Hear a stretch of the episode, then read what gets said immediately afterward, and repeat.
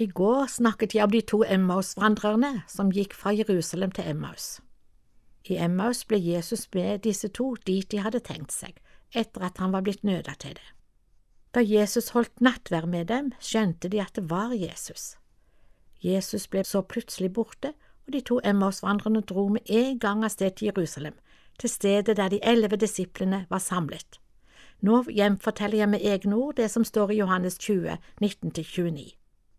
Disiplene satt bak lukka dører i frykt for jødene. De var redde, kanskje de sto i fare for å oppleve det samme som Jesus. Med ett kom Jesus, gjennom stengte dører, og sto sammen med dem.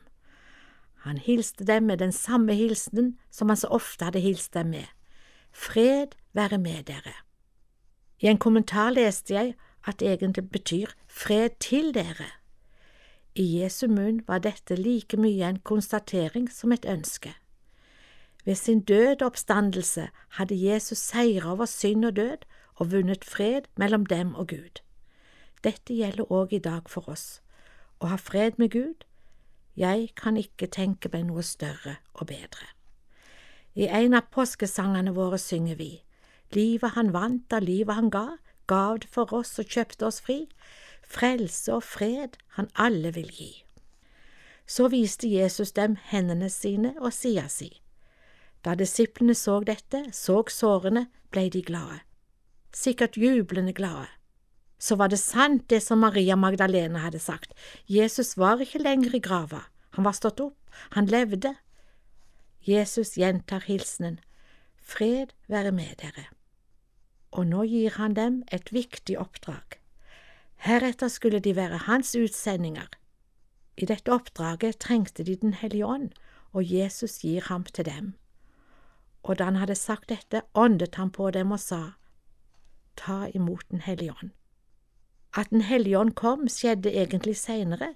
Her gis en forsmak, et pant, på den fylde de seinere skulle få for å makte den oppgaven, den tjenesten som ventet dem. Jeg har tidligere nevnt at ved Jesu død og oppstandelse fikk vi fred med Gud. Jesus ga oss òg frelse da han sona vår synd på korset. Det er ufattelig stort, like stort som at han ga oss fred med Gud. I Kolossene 2, 13–15 leser vi. Også dere var døde ved deres overtredelser og uomskårne kjød, men Gud gjorde dere levende sammen med Kristus, idet Han tilga oss alle våre overtredelser. Han utslettet skyldbrevet mot oss, som var skrevet med bud, det som gikk oss imot. Det tok han bort da han naglet det til korset. Han avvæpnet makten og myndighetene og stilte dem åpenlyst til skue da han viste seg som seierherre over dem på korset. Jeg har lyst til å sitere sangen skrevet av Trygve Bjerkreim, Takk at du tok mine byrder. Jeg syns at innholdet i disse versene sier det samme som vi leste fra Kolosterbrevet. Takk at du tok mine byrder, eit høgfjell av skuld av skam, du bar det på skuldrene dine, du skuldløse sonofferlam.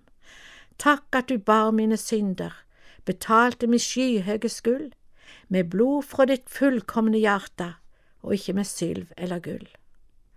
Så vil ved korset jeg standa, med undring jeg ser, jeg er fri, jeg skal ikke dø, jeg skal leve med Jesus til evig tid. Vi har òg fått et stort og flott oppdrag. Vi skal fortelle til våre medmennesker at Jesus kan og vil tilgi synd. Alle syndere er han mektig og villig til å tilgi. Å tilgi synd er det bare Jesus som kan. Dersom vi bekjenner våre synder, er Han trofast og rettferdig, så Han forlater oss syndene og renser oss fra all urettferdighet. Slik står det i 1. Johannes 1,9. Tenk å få være en tilgitt synder. En tilgitt synder, det er stort, ufattelig stort. I sangen Han er oppstanden, som vi allerede har nevnt, synger vi i det siste verset.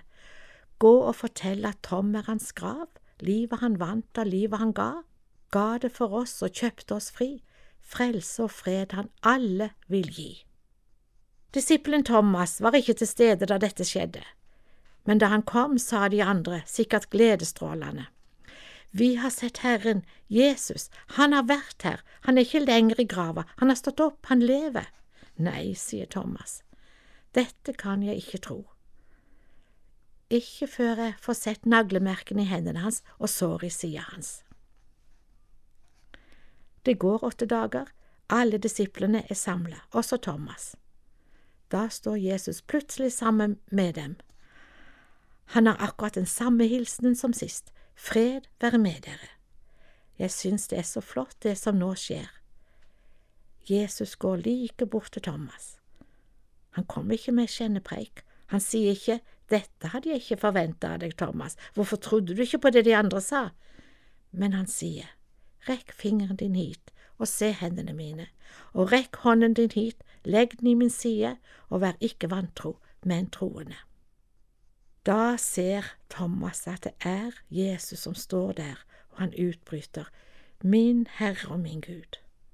Da svarer Jesus noe veldig fint, fordi du har sett meg, tror du, salige er de som ikke ser og likevel tror. Salig er et sterkt ord for glede, den største glede, den høyeste glede. Glad, lykkelig er de som ikke ser, men likevel tror. Det passer på oss i dag. Vi kan ikke se Jesus med øynene våre, slik som Thomas. Vi kan ikke kjenne sårene i hendene og sida, men vi skal få tro på Han allikevel.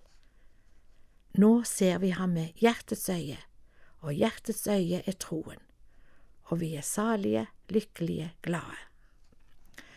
Kanskje du lytter i dag som er som Thomas, som først sa dette kan jeg ikke tro på. Du skal få være ærlig med din tvil og si det slik det er til Jesus. Han vil møte deg på samme måte som han møtte Thomas, uten bebreidelse. Men kom til han og si slik som faren til den besatte gutten i en annen fortelling i Bibelen. Han sa, Jeg tror, hjelp min vantro. Herren velsigne deg og bevare deg. Herren la sitt ansikt lyse over deg og være deg nådig. Herren løfte sitt åsyn på deg og gi deg fred. Amen. Det sa Synnøve Spanne i Over en åpen bibel i dag. Serien produseres av Norea Mediemisjon.